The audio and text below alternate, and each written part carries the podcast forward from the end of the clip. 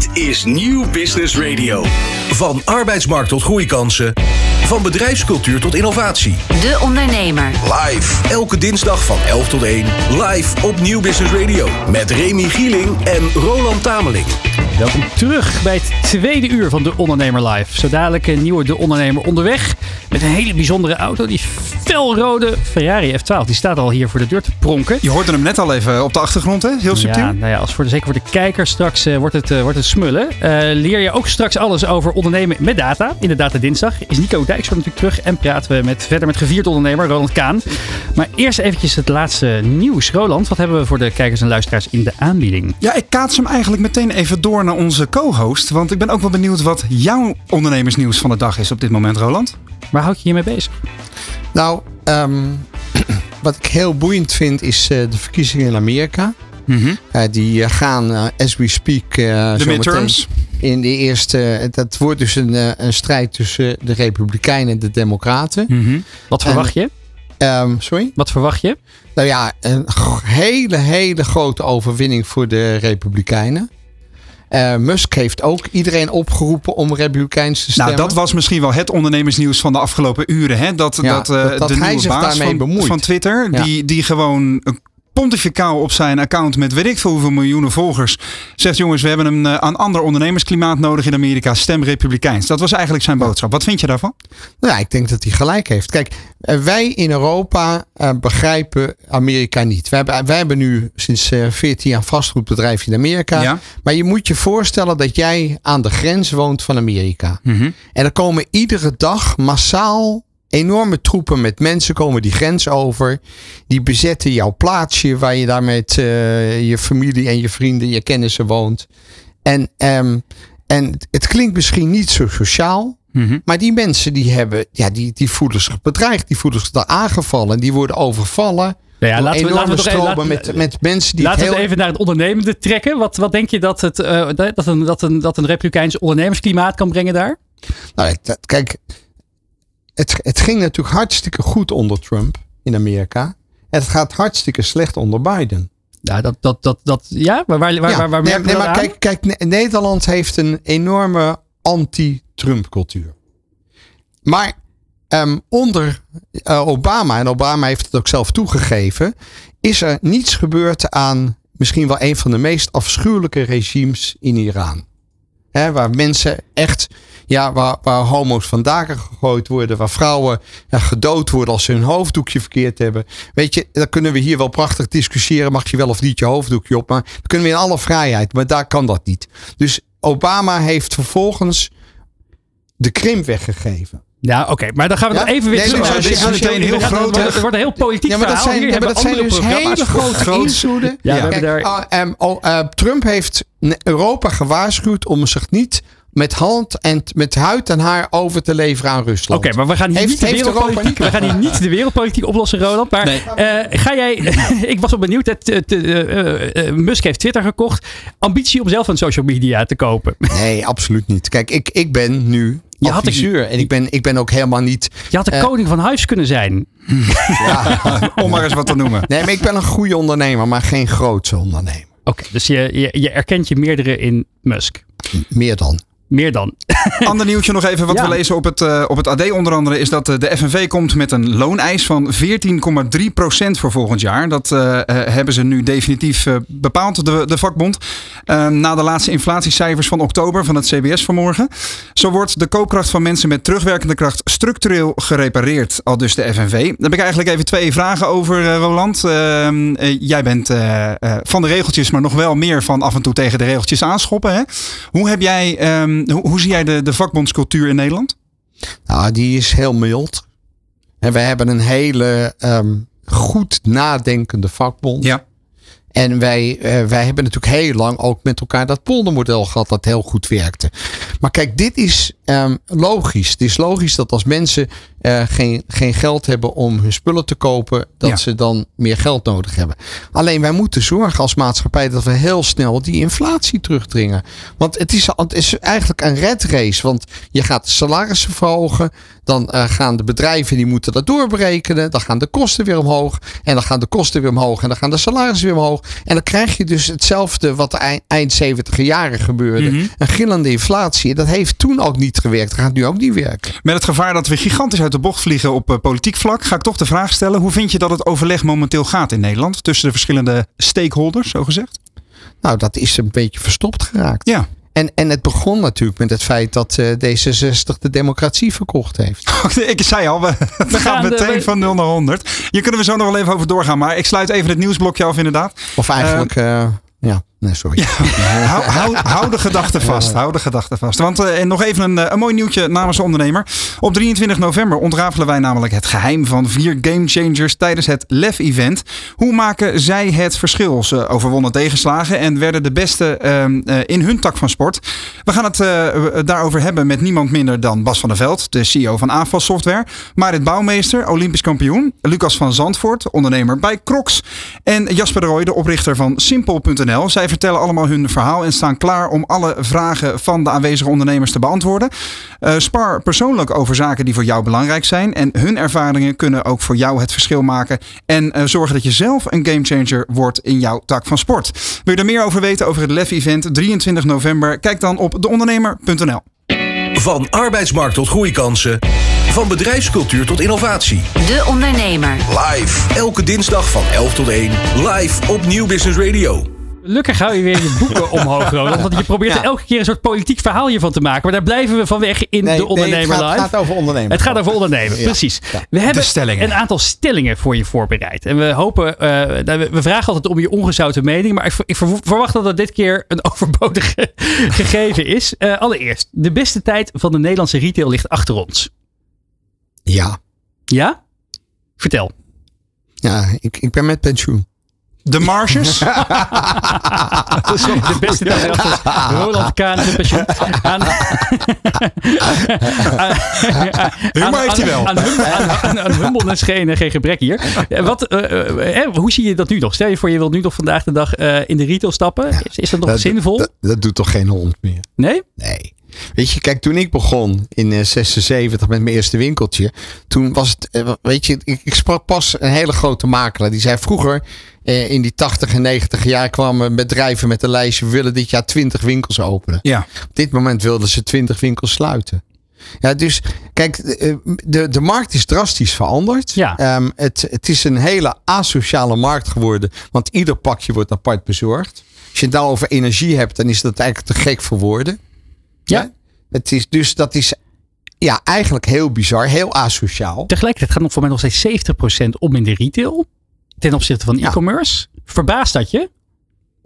Nee, maar dat is waar. Maar dat is nog steeds op dat enorme miljardenbedrag 30% Weet je al, in, in, mode wordt 20 miljard besteed. Nee, is niet waar. Niet klok. In mode wordt, uh, wat, wat, is, wat was het, 450 uh, uh, euro per, per, per Nederlander. Dus dan zal dat ongeveer zijn 16 miljoen, 18 miljoen Nederlanders. Dus iets van 9 miljard zal het zijn. 8, 9 miljard. Ja. Nou, als daar 30% 3 miljard, 2,5 miljard, opeens in allemaal pakjes van gemiddeld 50 euro. Ja, gewoon door de PTT of door de KPN of door wie dan ook bezorgd moet worden. Dat is natuurlijk verschrikkelijk asociaal. Dus, maar op het moment dat jij 30% van je omzet kwijt bent, dan kun je de huur dus niet meer betalen. Dan kun je je medewerkers niet meer betalen. Weet je, een retail maakte, als het goed deden, 5% netto winst. Mm. Dus als je 30% van je omzet kwijtraakt, is je businessmodel kansloos. Het valt me op dat je overal gelijk een berekening achter ja. maakt. Ik zag je net ook al even doen bij Blees, inderdaad, de boten die we eerder hebben besproken. Ja, van, ik, ik hoe ben, kan dat ik, net uitkomen? Doe je dit altijd? Ja, ik, uh, ik heb mijn kinderen altijd leren hoofdrekenen. Want ik denk als je kan rekenen, dan begrijp je grootheden.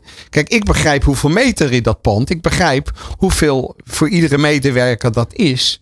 En ik begrijp ook zijn verhaal, want over drie, vier jaar. Maar ja, aan de andere kant, als je drie, vier jaar zoveel meters hebt leegstaan. Mm -hmm. Dus ik vind het idee dat hij zegt: ik ga een stukje aan, uh, aan, aan gelieerde bedrijven of start-ups eh, verhuren. Ja. Dat vind ik een erg goed idee. Misschien Dat, kan hij eh, op de onderste dat- verdieping nog wel een meteen, kledingwinkel beginnen. Toen, eh, toen, toen, weet je, toen begreep ik het weer wat beter. De volgende stelling. Je kunt anno 2022 beter in data zitten dan in kleding. Absoluut. Want? Nou, wij hebben ook een aantal databedrijven. Ja. Kijk, kleding moet je inkopen. Nou, en iedere keer weer opnieuw. Daar is enorm veel passie voor nodig. Vandaag is het groen, morgen is het blauw, overmorgen is het rood. Het is een ongelofelijke hectische, moeilijke business. En als je mis zit, dan zit je mis. Ja. Ja? Zoals nu hebben wij bijvoorbeeld eh, twee maanden lang geen winterjassen kunnen verkopen. Vanwege de temperatuur. Ja. Ja. Ja, ik, ik, ik, ik, zat vorige week eh, zaterdag nog op het terrasje in een t-shirt. Ja. Dus dan koop je geen winterjas. Als het niet regent. En Merck Today verkoopt enorm veel regenjassen. Die trouwens van recycled plastic zijn. Hè. Het is echt waanzinnig knap eh, product. Eh, sowieso Merck Today is helemaal recycled min of meer. En steeds meer duurzaam. Mhm. Maar ook dat is bijvoorbeeld weer iets nieuws. Wat gewoon absoluut van essentieel belang is voor je consument. Ja. Dus, weet je, dus het is ongelooflijk moeilijk. Nou, wij hebben een aantal eh, fintech bedrijven. Nou, wij eh, ontwikkelen eh, software. Die gaat in een SaaS-modelletje. Dat verkopen we aan duizend mensen. Ja. Nou ja, het is gewoon slapend rijk worden. Ja? Dus het is veel makkelijker. Je ziet ook mensen van mijn leeftijd. Eh, sorry, toen ik begon als ondernemer was ik, was ik 24. Ja. Nu als iemand met 24 jaar een fintech bedrijf heeft, kan hij met zijn 28ste miljardair zijn. Mhm. Ja, ik was met mijn 38ste, eh 28ste was ik net miljonair. Weet je, dus het gaat veel sneller. Je kunt het veel makkelijker uitrollen. Ja. Eh, ehm, er is veel makkelijker financiering op te krijgen. Er is geen bank die nog een winkel wil financieren. Nee. Hoe zorg je dat je thuis bent in deze materie? Ja, ik ben daar niet in thuis. Eh, mijn zoons zijn erin thuis. Mhm. En ik heb mensen om me heen die er wat van begrijpen. Maar ik mag alleen maar adviseren. De volgende stelling is ook wel tof trouwens. Ja, Oh, de, dank de, eh, was ik ook wel benieuwd naar hoe je hier naar kijkt. Iedere ondernemer heeft een houdbaarheidsdatum. Absoluut. Wanneer was die van jou? Eh, die had vijf jaar geleden was die, eh, was die houdbaar. Was, was, was, was ik rotte vis. Maar ik ben nog eh, drie jaar la- daarna doorgegaan. Heel stom. Ja? Absoluut. Ik ben te lang doorgegaan. Waarom dan? Ik werd, ik werd ziek. Eh, dan eh, ben je eigenlijk ook niet meer goed. Eigenlijk, op het moment dat ik ziek was, had ik meteen moeten stoppen. Ja. En me gewoon helemaal alleen maar focussen op. eh, en wel blijven helpen, Ja. wel blijven adviseren. Ik had de leiding drie jaar eerder aan mijn zoons over. Waarom ben je dan toch eh, aan dat touw blijven vasthouden? Eh, ook voor misplaatste arrogantie. Ja, is ik dat dacht, ja, ik dacht- ik dacht van eh, zonder mij kan het niet. Zie je dat het ook wel heel veel? goed zonder mij. Dat zie je, hoe, zie, zie, je- zie je het ook bij andere ondernemers gebeuren? Ja. Kijk, ondernemers zijn heel eigenwijze mensen. Die denken altijd dat ze alles weten. Het lijken wel vrouwen. Weet je, het is echt heel geweldig. Ja. Ja, ja. Ja. De laatste, Alleen vrouwen weten het echt beter. Weet je, dat is het verschil. de laatste stelling die is: eh, succesvolle ondernemers hebben ook de verplichting om iets terug te doen voor de wereld. Absoluut. Ja, dat is open deur natuurlijk hè? Ja, absoluut. Ja. Nee, maar ik geloof dat je een ander moet gunnen wat je zelf ook hebt. Hoe doe jij dat dan? Nou, door mijn kennis te delen, door, ehm, ehm, ja, ik, als je ziet hoeveel ondernemers wij hebben voortgebracht, dan praat je echt over honderden.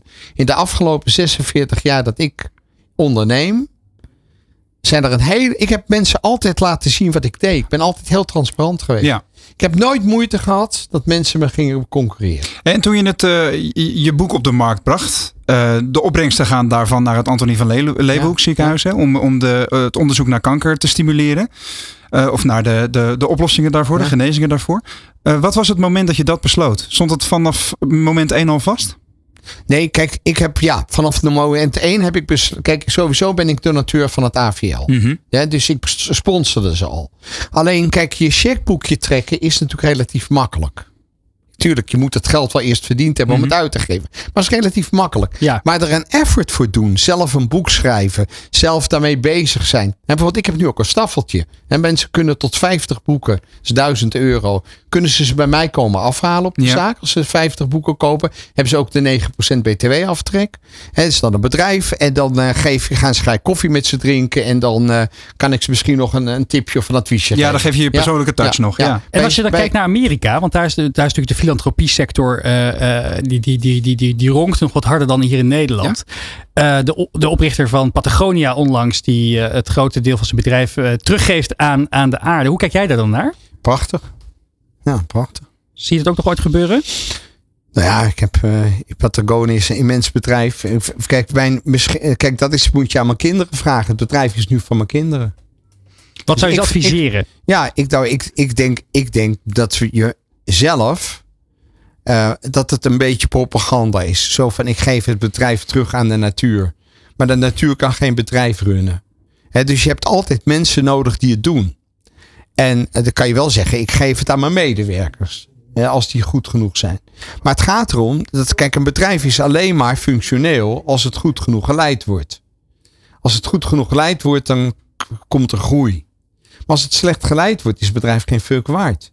Dus je moet eerst zorgen dat het bedrijf goed geleid wordt en dat het groeit. En als er dan vruchten uitkomen, kun je die vruchten, die kun je verdelen. Maar je zult eerst, hè, zul je moeten zorgen dat het goed draait en dat het door blijft draaien en dat het toekomst heeft. Anders is het niks waard. Nou, je adviezen zijn hopelijk ook waardevol voor onze volgende gasten. Hangt aan de lijn. Want is er nog ruimte in Nederland voor een nieuw modemerk? Carmen van Luit van Stitching Stories denkt van wel en start daarom een crowdfunding campagne. Carmen, welkom in de uitzending. Hallo, thanks for having me. ja, leuk, leuk dat je er bent. Uh, um, Stitching Stories, vertel. Wat, uh, wat doen jullie? Welk probleem proberen jullie op te lossen? Um, nou, eigenlijk het probleem wat we proberen op te lossen is dat we in de afgelopen... We zijn nu twee jaar geleden begonnen. En eigenlijk met de insteek dat nou, er steeds meer polarisering is. En we willen met onze kleding eigenlijk meer naar samenhorigheid en verbinding toe. En dat, uh, en, en, dat, dat klinkt als een hele, ja. heel mooi doel. Hoe doe je dat? Ja. ja, hoe doen we dat? Nou, we maken eigenlijk uh, capsulecollecties. Dus uh, elke keer niet seizoensgebonden, maar meer op projectbasis waar we in geïnteresseerd zijn. En zo halen we inspiratie uit verschillende verhalen. Dus vandaar ook Stitching Stories. Um, en dat kan zijn, uh, we hebben bijvoorbeeld een echte eyecatcher die van ons is, is een uh, bomberjack die we maken van een oude jalaba. En dat komt eigenlijk, komen er zo twee heel verschillende subculturen in één ontwerp samen. Ik zie hele grote ogen hier in de studio. Ja, Roland. Wat, ik, ik, ik, ik, verstond je slecht of ik heb het niet... Uh, wat, een kilappa? Ja, nee, een jalaba. Wat is een jalaba? Dat, ja, dus dat is eigenlijk een soort ja, Marokkaanse uh, Gewaad, Ja. Ja, en Marokkaanse? Uh, die wordt ja, gewoon oh, zo'n jurk. En, en, precies, een, een, en, ja, een, een, een, een, een, een Marokkaans gewaad is het, ja. En, en daar maak je ja. een jasje van? Ja, en daar hebben wij dan echt een bomberjack van gemaakt. Dus eigenlijk weer een, een heel tegenstrijdige subcultuur. Dus uh, gabbers eigenlijk tegenover uh, ja, Marokkaanse... De Arabische wereld, ja. Kledingstukken. En, maar ze hebben ook wel weer iets gemeen. Want op, uh, nou, wij doen het, we doen heel erg onderzoek altijd naar die subculturen. Om niet zomaar mensen uh, ja, op het verkeerde been te zetten. En dan gaat het er eigenlijk om dat die gabbers, die hebben op de feesten ook een heel erg samenhorigheid. En uh, jalaba's worden weer vaak gedragen op uh, Marokkaanse feesten, zoals de henna-feesten. En dat gaat ook over samenhorigheid. En vandaar dat we het eigenlijk samen hebben laten komen in een gabberjasje. Nou, nou lijkt het om te gaan om, ook om kleine collecties. En wat voor tarieven moeten we dan denken als je dit zou willen kopen? Um, nou, bijvoorbeeld dat jasje, dat is dan 500 euro. Um, maar we hebben sociaal. ook uh, truien die dan weer voor 100 euro gaan. Dus het, eigenlijk gaat het, is het gevarieerd tussen de uh, 50 en 500 euro. En dan hebben we ook nog speciale projecten. En die zijn echt op aanvraag. En dat gaat meer over um, een persoonlijk verhaal vertellen met kleding die jij al in huis hebt. Mhm. Mm -hmm. Dus als je bijvoorbeeld een kledingstuk hebt of een materiaal wat veel waarde voor jou heeft, maar wat je niet meer draagt. En dan kunnen wij dat samen transformeren tot een nieuw kledingstuk. Zodat je eigenlijk uh, ja, zo weer iets waardevols kan dragen. Het is wel en, interessant, uh, sorry als ik je even onderbreek, maar het is interessant ja. wat hier gebeurt in de studio. Want jij noemt uh, uh, die prijs van 500 euro voor, voor die jas. En ja. Roland Kaan, toch Mr. Coolcat, altijd groot geworden van de betaalbare collecties. Ja. Jij zegt meteen, zo, lekker sociaal. Met andere woorden, een hoge prijs koppel jij aan, aan een, een niet sociaal gevoel. Hoe zit dat? Nou ja, kijk, als jij, als jij een jasje gemaakt van, van berberstof of wat dan ook voor 500 euro te koop aanbiedt, Mhm. mm -hmm. dan, ja, dan begrijp je natuurlijk dat je daarmee ja, 85% van de Nederlandse bevolking buitensluit. Toch? Of zeg ik nou iets raars? Nee, dat klopt. Dat klopt. Ja, dus dat Ja. is een wel bewuste keuze. Dan vraag ik me af hoeveel van die jasjes maken jullie dan? Nou, nog heel. eh, we zijn, omdat we dus nog echt nog maar net zijn begonnen, vandaar ook de crowdfunding. Ehm, en die Jalapa project, die is eigenlijk, die heeft ook heel veel handwerk. Waardoor het ook gewoon eh, die prijs is, omdat we anders, ja, dan kan Maar, het maar gewoon geef, geef, dan, geef nou eens antwoord. Ehm, van die jasjes maken jullie dan? Hoeveel jasjes? Ja, Ehm, Nou, we hebben er nu nog maar tien gemaakt, bijvoorbeeld. Dus het, zijn nog, het is echt nog allemaal heel erg eh, beginnend. Dus jullie zijn, eigenlijk een hand, jullie zijn echt gewoon nog eigenlijk een, een, een, een, een haute couture design studio. Ja, nog wel. Ja. Nou, dan begrijp ik het. met, eh, ja. Met de crowdfunding willen we dus eigenlijk eh, samenwerkingen gaan starten met sociale ateliers in Nederland. En dat zijn ateliers waar of vluchtelingen werken of mensen uit de GGZ. En dan kunnen we ook op een gegeven moment onze prijs wat meer gaan aanpassen naar eh, een grotere doelgroep. Omdat dat ook ons doel is. Ehm, maar die samenwerking die kunnen we pas echt starten als de crowdfunding rond is. Ja, want jullie hebben nu die crowdfunding gestart op Crowd About Now. De teller staat nu op eh 8.465 euro. Daarmee is het eh, doelbedrag van eh, eh, eh, 84% is dan al behaald. Wat, eh, op, op wat voor markt richt je je? Wie hoop je dat er gaan investeren in jullie? Ja, dat is nog heel verschillend. Natuurlijk willen we gewoon eigenlijk onze doelgroep, of, of in ieder geval mensen in onze kleding hebben. Vandaar dat we ook hebben gekozen voor een crowdfunding. Omdat we eh, steeds meer mensen in Stitching Stories willen hebben zien lopen, zodat het ook meer mond op mond gaat. En ehm, dus dat zijn eigenlijk dan onze potentiële klanten. Maar verder zijn we ook heel erg geïnteresseerd in eh, investeerders die hopelijk ons bedrijf ook op een sociale manier groter kunnen brengen. Dus ook, ehm, we hebben bijvoorbeeld een gesprek met Roods lopen. En dat is eigenlijk een eh, ja, overkoepelende maatschappij die ehm, zorgt voor dagbesteding voor mensen in de GGZ. En eh, wij kunnen dan hun ja, taken bieden eigenlijk door hun collecties te laten maken. Wat, eh, Dus dat soort investeerders zijn we ook echt naar op zoek. wat, eh, wat, wat, wat krijgen investeerders voor hun, eh, voor hun, voor hun inleg? En eh, ehm, ja, wat wil je ermee gaan doen? Ehm, nou, we, de, wat we er dus voor terugkrijgen, dat zijn verschillende items die we voorverkopen. Die maken we nu dan dus nog zelf in ons eigen atelier. Dus dat is bijvoorbeeld die Jalaba bomberjack of een ander jasje of truien. Of een workshop, een upcycle workshop. Dus dan ga je bij ons in het atelier ja, leren naaien eigenlijk. En ehm, nou ben ik heel... Wat was de tweede vraag? Oh, wat je, wat je met geïnvesteerde bedrag hoopt te gaan realiseren. Ja, wat we willen gaan realiseren is dat we eigenlijk, ja, dus dat we de kickstart echt kunnen maken met de ateliers met wie we al in gesprek zijn. Dus dat zij, eh, dat we hun kunnen gaan betalen voor de nieuwe collecties die we willen gaan realiseren. En we willen maatschappelijke projecten opzetten in wijken met ja, kwetsbare jongeren. Ehm, en dat is dan bijvoorbeeld dat we zij echt gaan helpen met de fotoshoot, met de, het ontwerpen. En eh, daarin zijn we weer in gesprek met bijvoorbeeld de praktijkschool in Amsterdam-West. En die gaat ons, eh nou ja, gaan we een soort dagbesteding na school meestarten. Hebben we ongeveer En- eh, de grootste modeondernemer van Nederland hier in de, in de, in, in, in de studio zitten. Roland Kaan is natuurlijk eh, eh, jarenlang, sinds de jaren tachtig al, het eh, Nederlandse modelandschap in ieder geval eh, op zijn manier bepaald. Is er nog iets wat je van hem zou willen leren? Poeh, ja, genoeg. Ehm, ja, ik, waar wij nu heel erg tegenaan lopen is dat we, we hebben vraag. Alleen kunnen we het aanbod nog niet realiseren, omdat we dat dus op een sociaal en bewuste manier willen doen. En ehm, ja, hoe, hoe, hoe kunnen, ja, die start zou dan de crowdfunding kunnen zijn, maar hoe kunnen we dan daarna doorgroeien? Dat Roland. is eigenlijk. Nou, dat is altijd de kwestie van vraag en aanbod. Ik denk dat je eh, een prachtig model aan het ontwikkelen bent. Eh, fantastisch dat je de sociaal zwakkeren daarbij wil betrekken. Dus op het Dankjewel. moment dat je dat productieproces aan de gang hebt. Hè, je moet het natuurlijk ook eerst kunnen maken.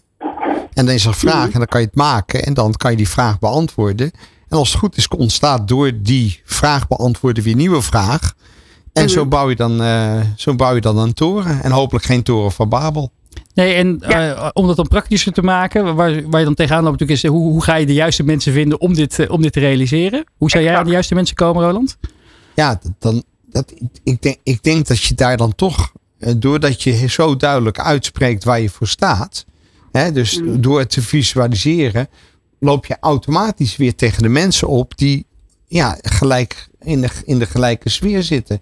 En, en natuurlijk, het is dus belangrijk dat je duidelijk maakt naar buiten blijft vertellen wat je, wat je, wat je wil, wat je boodschap is. Maar volgens mij Ja. kan je dat prima. Nou, blijf dus Ja. op de grote trom slaan. Heel erg veel succes met de crowdfunding van Stitching Yes. Stories. Hij staat nu live. Dus wil je investeren? Kijk even op crowdaboutnow.nl. Dit programma opent samen met MKB Brandstof de oplossingen naar duurzaam onderweg. Buiten staat Roland Tameling klaar voor een nieuwe aflevering van De Ondernemer Onderweg. Roland, ik denk dat je de duurste auto tot dusver bij je hebt, of niet? Ja, dat is eh, inderdaad zo, Remy. Dit is waarom we dit vak eh, zijn gaan doen. Hè. Hier naast mij staat een Ferrari F12 uit 2014 met een nieuwwaarde van, hou je vast, 422.000 euro. Dames en heren, mag ik even een respectvolle pauze op de radio daarvoor? Want eh, ja, eh, dit is inderdaad een stukje anders dan het meeste elektrische spul dat wij hier tegenwoordig hebben staan. Hè. En naast mij staat de eigenaar van deze auto, Michel van Gunsve. Eh, ondernemer, ehm, autoliefhebber ook wel, mag je stellen. Van waar deze Ferrari? Nou ja, dat is een jongensdroom toch? Kan ik me voorstellen. Ja, ik, ik ben be- begonnen met andere auto's, maar ergens in mijn achterhoofd staat als ik het ooit toesta en het kan betalen, dan een keer een Ferrari. Dat is toch een bepaalde emotie, jongensdroom. En ik heb e- één keer een auto gekocht waar ik niet zo blij mee was. En die kon ik inruilen bij dezelfde dealer. Die zei, dan moet je wel uit mijn winkel iets kiezen. Ja, daar stond een F12. Ik denk, dit is een fantastisch excuus om toch een keer die Ferrari te kopen. Ja, laten we het eerst even hebben, want straks gaan we het hebben over de auto. Maar we gaan het, kijk eens, Ronald Kaan komt er ook even bij. Dat is de oprichter van Coolcat onder andere. En zeer succesvol ondernemer, ook eh, autoliefhebber. Roland, wat voor auto's heb jij nu staan in je garage?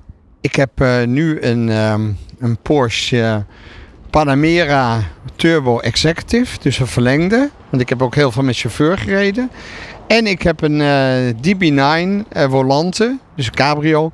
En die is gewoon 15 jaar oud of 16 jaar oud. En die is, ja, daar zit eh, 51.000 kilometer op te tellen. Dus echt een, als het mooi weer is, dan gaat het dakje er open. En dan, dan ga ik heel rustig ga ik eh, langs de vecht rijden of zo. Heel bescheiden wagenparkje inderdaad, ja. Dus geen, geen felrode Ferrari. Ehm, Michel, eh, even kort over jouw ondernemerschap. Wat is jouw achtergrond en hoe heb jij deze auto in je collectie gekregen?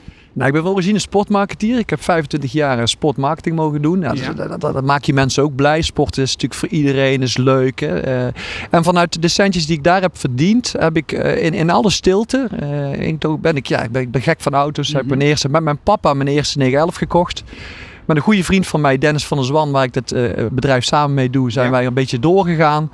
En, en zo heb ik ja, in de stilte heb ik een kleine collectie opgebouwd van een drietal auto's. Echt een puristenkeuze die volledig subjectief wij de allerfijnste, meest intense auto's vinden om te rijden. Ja, je kunt geruststellen dat het een soort kippenvelcollectie is. Eh, natuurlijk, dit is heel erg in mijn straatje, dat snap ik. Eh, we gaan straks uitleggen wat dit met ondernemen te maken heeft. Maar eerst eh, wil ik eigenlijk de stem van de auto wel even horen. Dus als jij nou even de 12-cilinder in deze auto laat brullen, dan lopen Roland en Roland even naar de uitlaten van deze magistrale. cilinder is toch wel even wat anders. Wat zei je, Roland? 12 cilinder, dat heb ik dan met mijn DB9 ook, heeft ook 12 cilinder. Dat is wel heel erg lekker. Ja, en, en wat er zo lekker aan is, dat gaan we nu horen. Let op.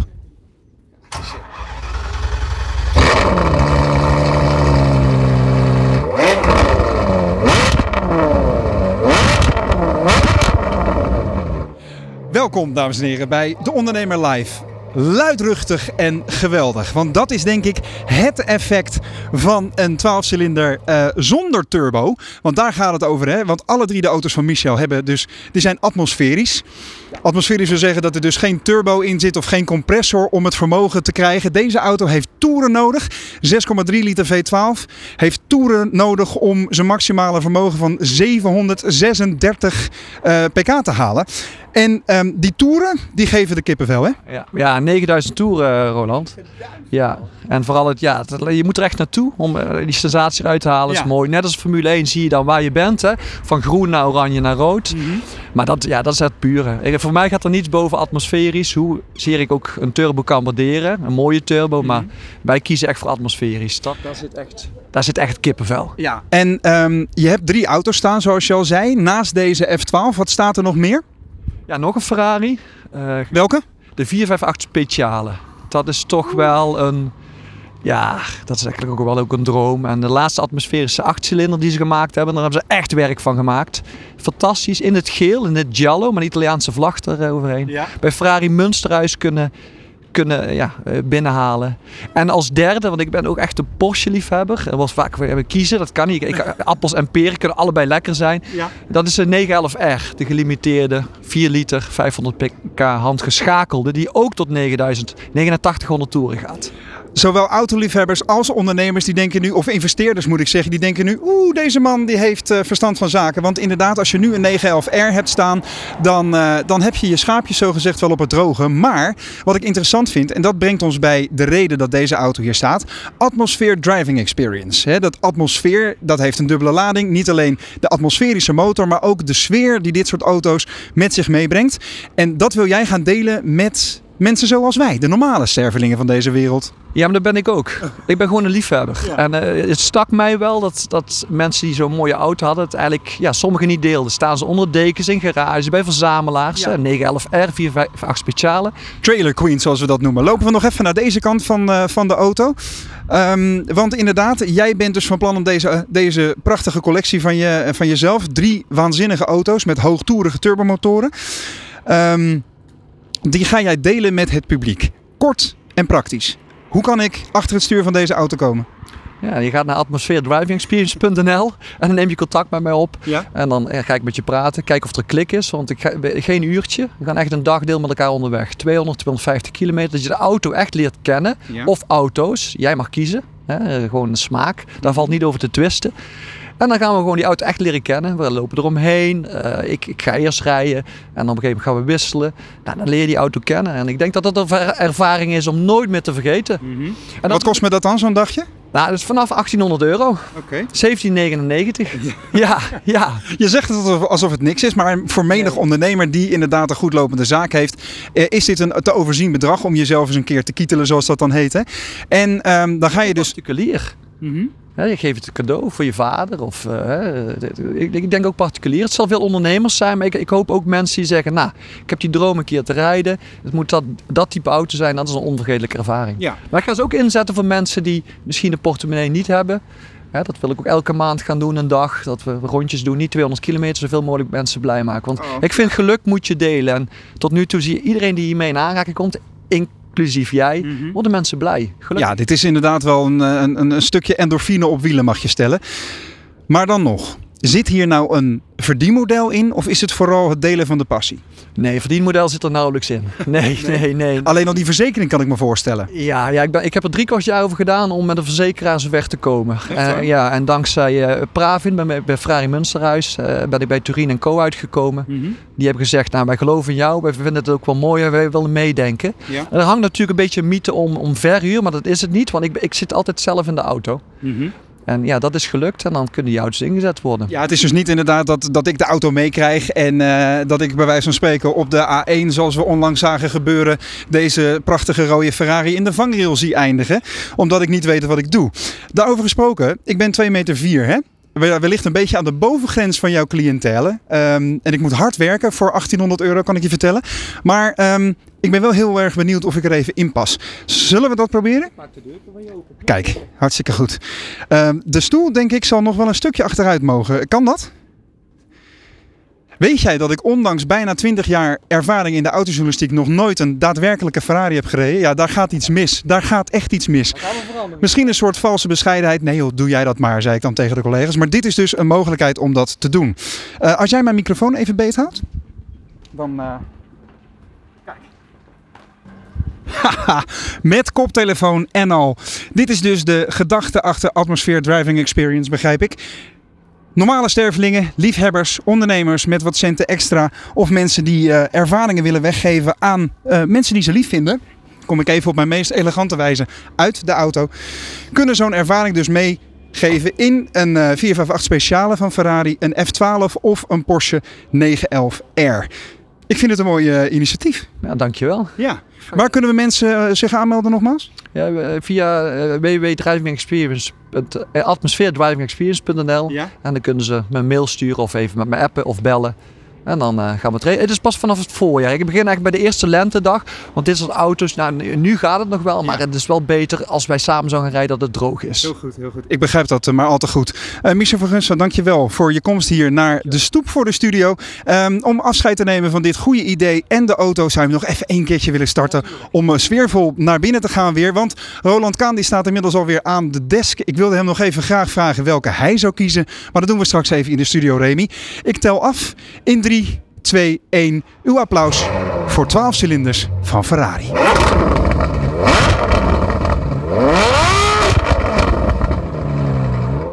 Ik kies deze. Hoi! Dankzij MKB Brandstof weet je weer meer over de toekomst van mobiliteit voor ondernemers. Het kan altijd makkelijker dan je dacht. Ja, en ik denk dat eh, zo'n eh, Ferrari-eigenaar een pas van MKB brandstof wel kan gebruiken. Want volgens mij sta je regelmatig bij je lokale Shell station. We zijn inmiddels weer binnen in eh, de studio. Wat, ja, wat was jouw keuze geweest, Roland? Ik, ik heb de andere twee gemist. Oh, oké. Ik was naar de toilet. Ja. even, na twee uur was dat ook even, anderhalf uur was dat ook moeilijk. ik, ik snap het helemaal. Maar het is wel een indrukwekkende machine dit, ja, toch? fantastisch. Hier voor de desk. Ja. Ja, Ga je hem overwegen? Nee, Nee? nee, nee. Want? Nee, ik kijk nu naar. Ik kijk nu. Ik ben wel verliefd op een nieuwe auto. Ik kijk nu naar de eh, Cayenne Coupé Turbo GTS. Dat Mhm. is echt de snelste SUV op dit moment Ja? ter wereld. En eh, ik, ben, eh, met, ik ben aan het onderhandelen met Porsche. En ze, ze vragen nu nog eh 10 mil te veel. Dus dan blijf ik lekker in mijn oude Panameraatje rijden van haast vijf jaar oud. Nou, dan moet, moet je ook wel, moet je ook wel nog een paar maanden overleven, ik, ik, toch? Ik geloof opnieuw te veel betalen en te weinig vraag is geestelijke luiheid. Dus dan moet je dan zelf ook naar jezelf luisteren. Als je dat je motto is, kan je het natuurlijk niet weggeven. Nou ja, hopelijk komen we je over een paar maanden hier weer terug voor de studio. Voor de ondernemer onderweg, dan kan je even de nieuwe eh, Ja, Porsche laten heel zien. cool. Dan Ja, kan je de dat nieuwe Porsche laten zien. Ja. Ja. Absoluut. Dat is leuk. Een deal. Top. Eh, kan, je, kan je gelijk meenemen in de onderhandeling? Dat je dat Porsche gelijk een wat mooie reclame krijgt. Eh, misschien krijg, krijg, krijg je dan de 10 mil eraf. nee, maar Remy, jij rijdt nu een hele dikke mini. Welke had jij gekozen van de drie?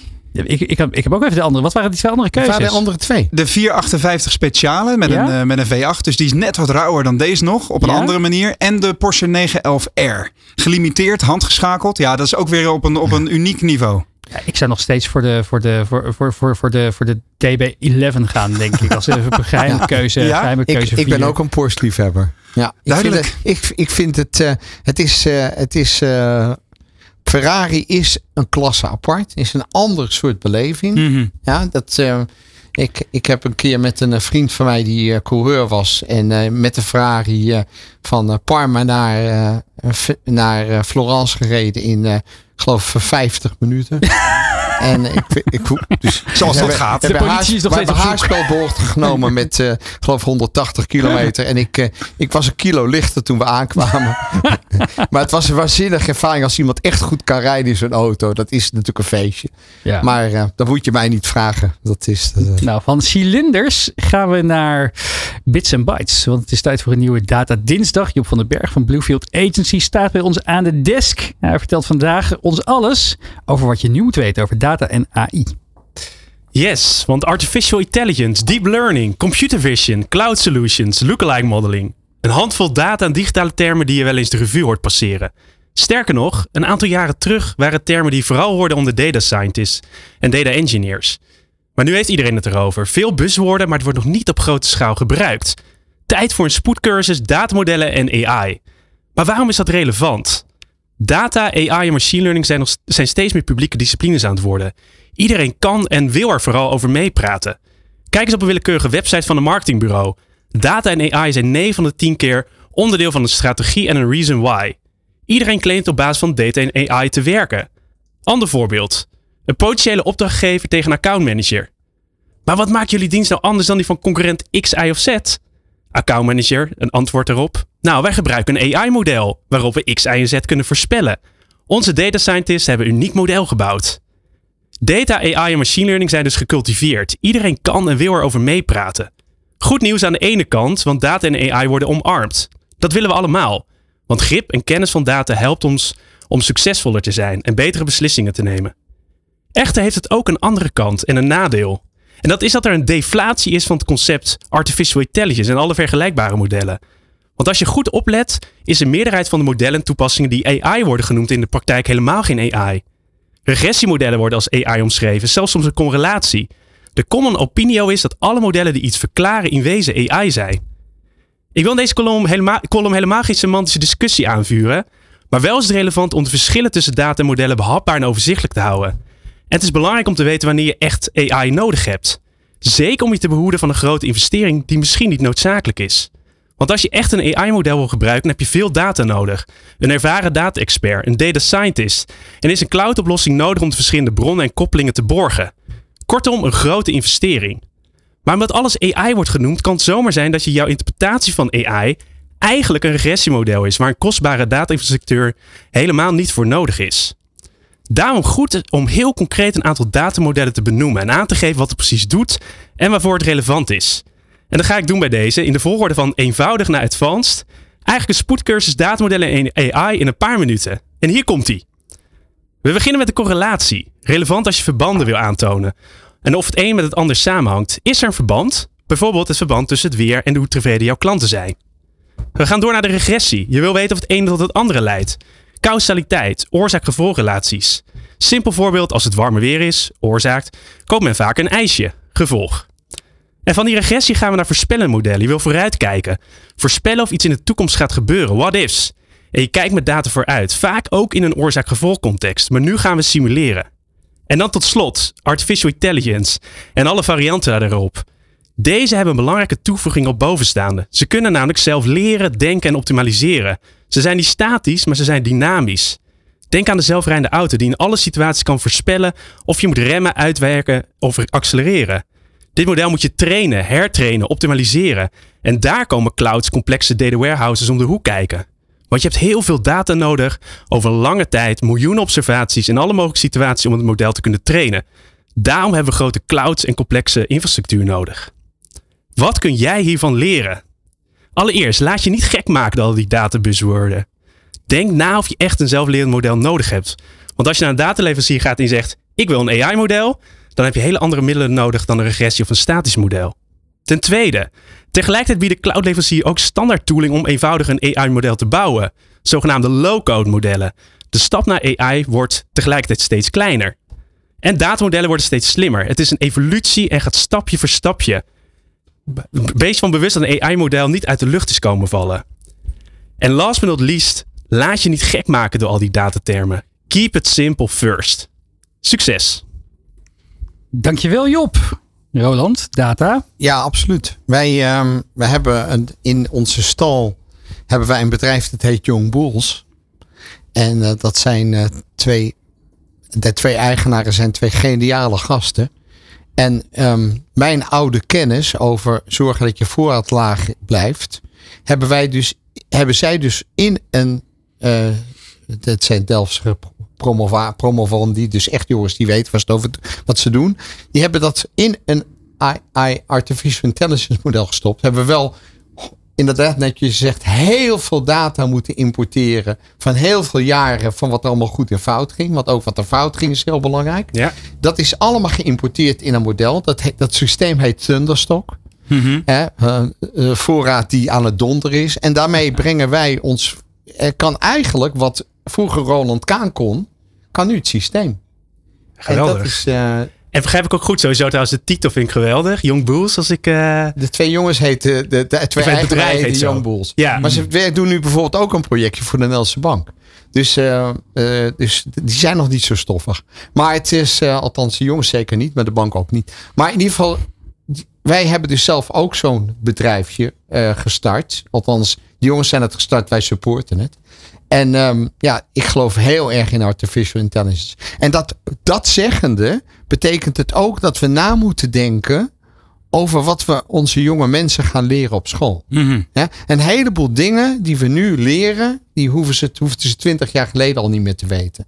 Dus wij moeten veel meer mensen gaan leren over creativiteit.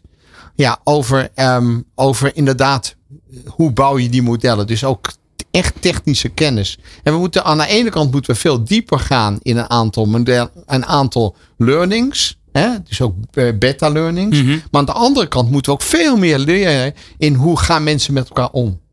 Eh, hoe eh, bouwen we een bedrijf? Hoe bouwen we omgang met elkaar? Hè? Hoe leren we mensen om elkaar te accepteren en elkaar te respecteren? En dat doe je niet door middel van data. Dat doe je. Nee, maar die data helpen daarbij. Dat klinkt misschien raar. Hè? Ik geloof heel erg dat. Ik, we staan natuurlijk voor een geweldige toekomst. Dan wilde ik ook graag eh, 120 worden. Want ik zou zo graag willen weten hoe die wereld er in 2070 Nou, dat, uitziet. dat gaf je aan het begin van de uitzending al Ja. aan. Hè, dat dat een van je dromen is. Eh, ehm, Moet, je- moet je voorstellen, hij heeft het nu over artificial intelligence. Ja. Wat denk je wat er gebeurt als die nanotechnologie loskomt? Dan word je helemaal koud van wat er dan allemaal kan. Weet je, dus we staan aan de vooravond van een waanzinnige tijd. Ja? Het enige is dat we er ook waanzinnig goede leiders bij nodig hebben. En dat is een beetje een probleem. mhm. Als je dagdroomt over die toekomst, wat zie je dan voor je? Bijvoorbeeld Ja. met die nanotechnologie. Ja. Van Ja, kleurveranderende om, om te kleding. Beginnen, om te beginnen zie ik een wereld voor me die werkt voor iedereen vanuit respect, tolerantie en learning. Mhm. En, en samenwerken. En met elkaar samenwerken. Waarbij we allemaal inbrengen wat we goed kunnen. Ja? Dus dat, het, kan, het kan niet zo zijn dat ons land geleid wordt door mensen die geen vakkennis hebben.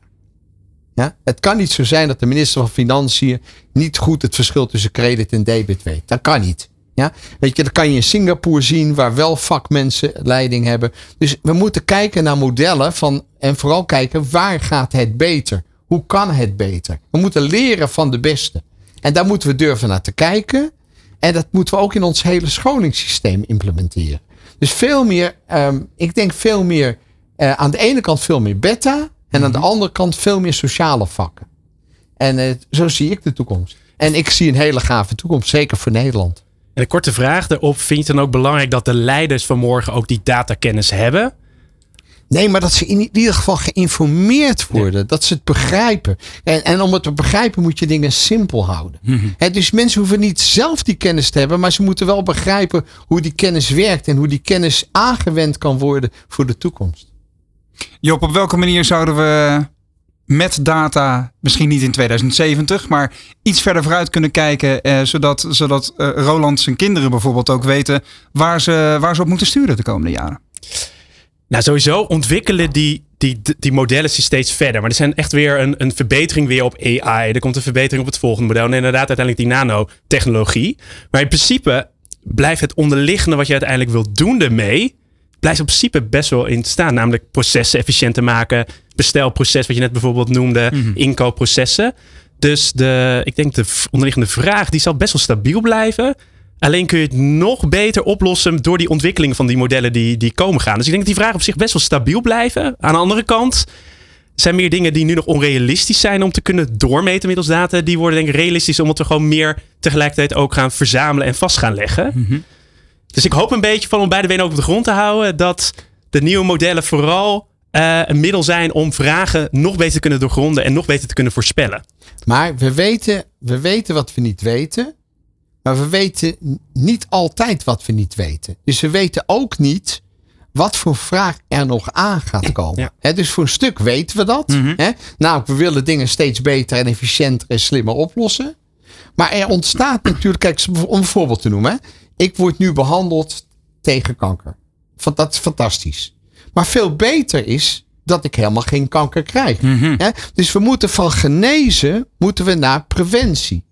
Dus dat is een heel andere opzet van de hele medische wereld. Maar dat doe je zelf heel actief, want je reist drie, vier keer per jaar naar Amerika om, om, een, om jezelf zeg maar zo oud mogelijk te kunnen laten worden. Nee, niet zo oud mogelijk, zo lang mogelijk te blijven leven.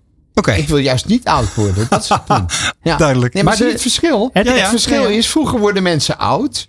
Nu, Nee, maar het gaat om de nu aanpak gaan we. Nu gaan we Ik pak, het nog, ik pak het nog even terug. Inderdaad, wat je zei net is, eh, eh, we weten nog niet wat we niet weten. En Job, misschien een leuke haakje voor een van je volgende columns. Om het te hebben over synthetische data en ook, eh, ook eh, generatieve modellen. Kunnen we misschien een keer verderop leuker, ja. in deze serie. Inderdaad, wat kun je daarmee, of wat kunnen ondernemers daar nu mee? eh, Ja. Dat is een hele leuke, leuke suggestie. En simulaties, lijkt me ook leuk. Ja. We gaan luisteren naar onze huisdichter van dienst van Ondernemend Nederland. eh, eh, en hier onze huisdichter van de Ondernemer Live, Nico Dijkshoorn. Ondernemertjes. Dit is een uitzending die veel in mij losvoelt. Ik luister naar het verhaal van Roland Kaan en opeens begrijp ik dat hij mijn leven ingrijpend heeft veranderd. Ik kocht, tot mijn negentiende, al mijn kleren bij The Salty Dog, een winkel in de Kalverstraat Amsterdam. En daar verkochten ze maar één soort broek, een bandplooibroek, die vanuit de taille de vorm aannam van een leeglopende ballon en daarna zeer nauw op mijn schoenen viel. En die schoenen die kocht ik overigens bij de winkel Shubalu. Blauwe schoenen waren het.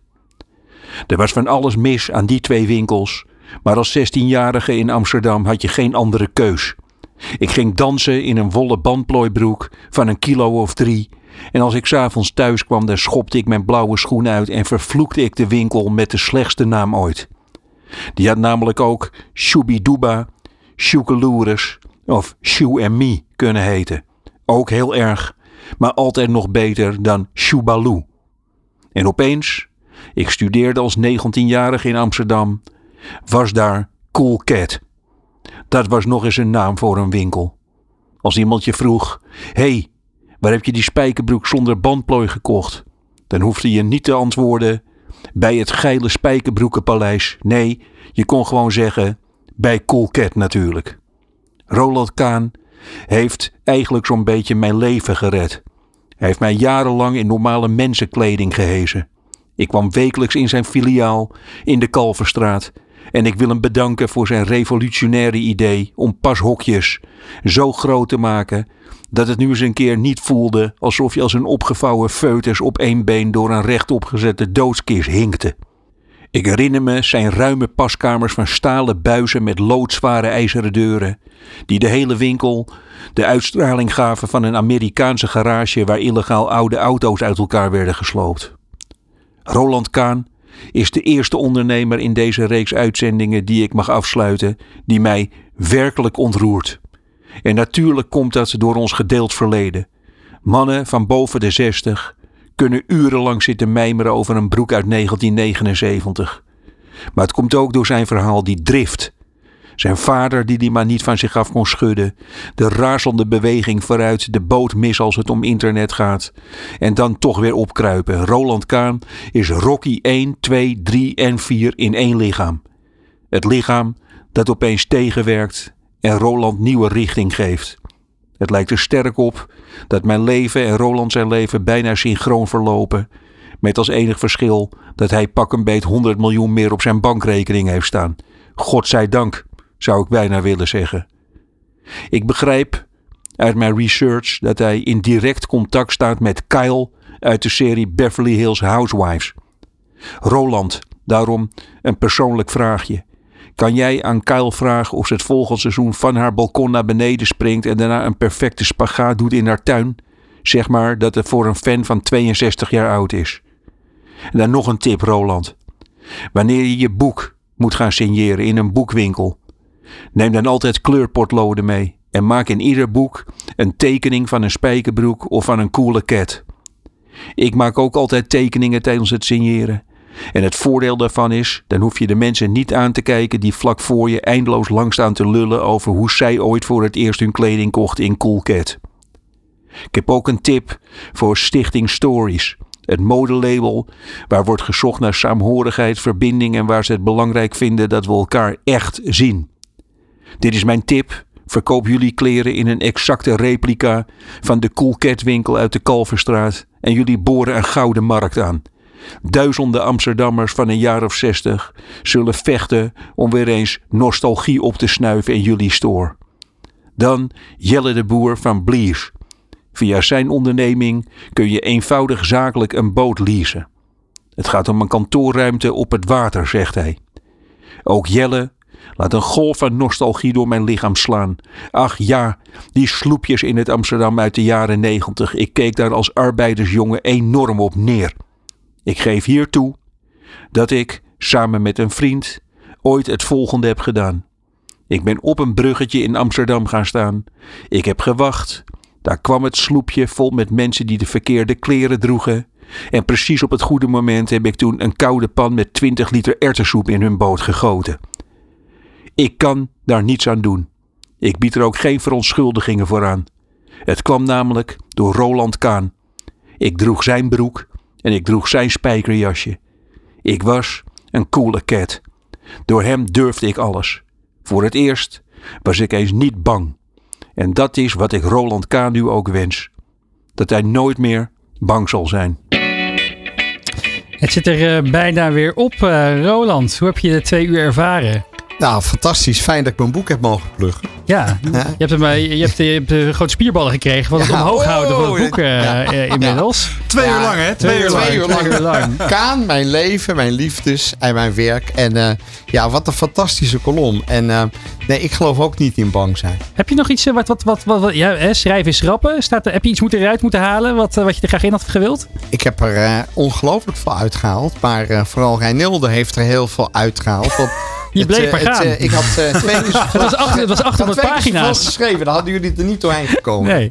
Ja. nee, nu zit dat heel, heel handzaam. En Zeker met tien lessen als, eh, als boekenlegger, super. als En- leidraad. En Kunnen een we paar het, eh, hele leuke QR-codes. Achterin staat een QR-code waar ik een, een lecture over ondernemerschap en ook over de art of the deal. Ja. Eh, de- die, die hele lecture duurt nog geen 30 minuten. Die heb ik gemaakt voor Sander Timmermans van de Next Step. En ik mag hem dus ook eh, van hem weer gebruiken. Ehm, maar en we, een- komen die wintermaanden wel door, Roland. Ja, absoluut. We- Er met een hele boek, met leuke je QR-code met. Joodse humor, wat heel erg leuk is. Eh, je gaat hem straks eh, signeren. Eh, Ik- ja, ik ga hem wat ga je erin tekenen? Na, na Sorry? de tip, eh, wat ga je erin tekenen na de tip van Nico? Ja, ik denk maar een cool cat. Ja? Wat vind je? Zullen Ja. dat doen? Ja. Ja. Of zullen we er een Ferrari in tekenen? Ja, of je Porsche. Krijg je misschien nog weer korting van, eh, van, eh, van de dealer Nou, nou. voor je nieuwe. Ehm, het zit erop. Eh, eh, ja, hartelijk dank voor het kijken en luisteren naar de Ondernemer Live. Terugkijken en luisteren kan natuurlijk op YouTube of je favoriete podcastplatform. Het programma wordt mede mogelijk gemaakt door Nederland Wijnen, MKB Brandstof, Bluefield Agency. We bedanken Roland, Job, eh, andere Roland. eh, eh, ja, eh, wie niet voor onze... Daan, de technicus Daan, natuurlijk Daan, de ook, ja. Wederom voor eh, jullie aanwezigheid hier vandaag. Mijn naam is Remy Gieling. Ik ben Roland Tameling. Dit was de Ondernemer Live. Heel graag tot de volgende week. Van arbeidsmarkt tot groeikansen. Van bedrijfscultuur tot innovatie. De Ondernemer. Live. Elke dinsdag van 11 tot 1. Live op Nieuw Business Radio. Dit is New Business Radio.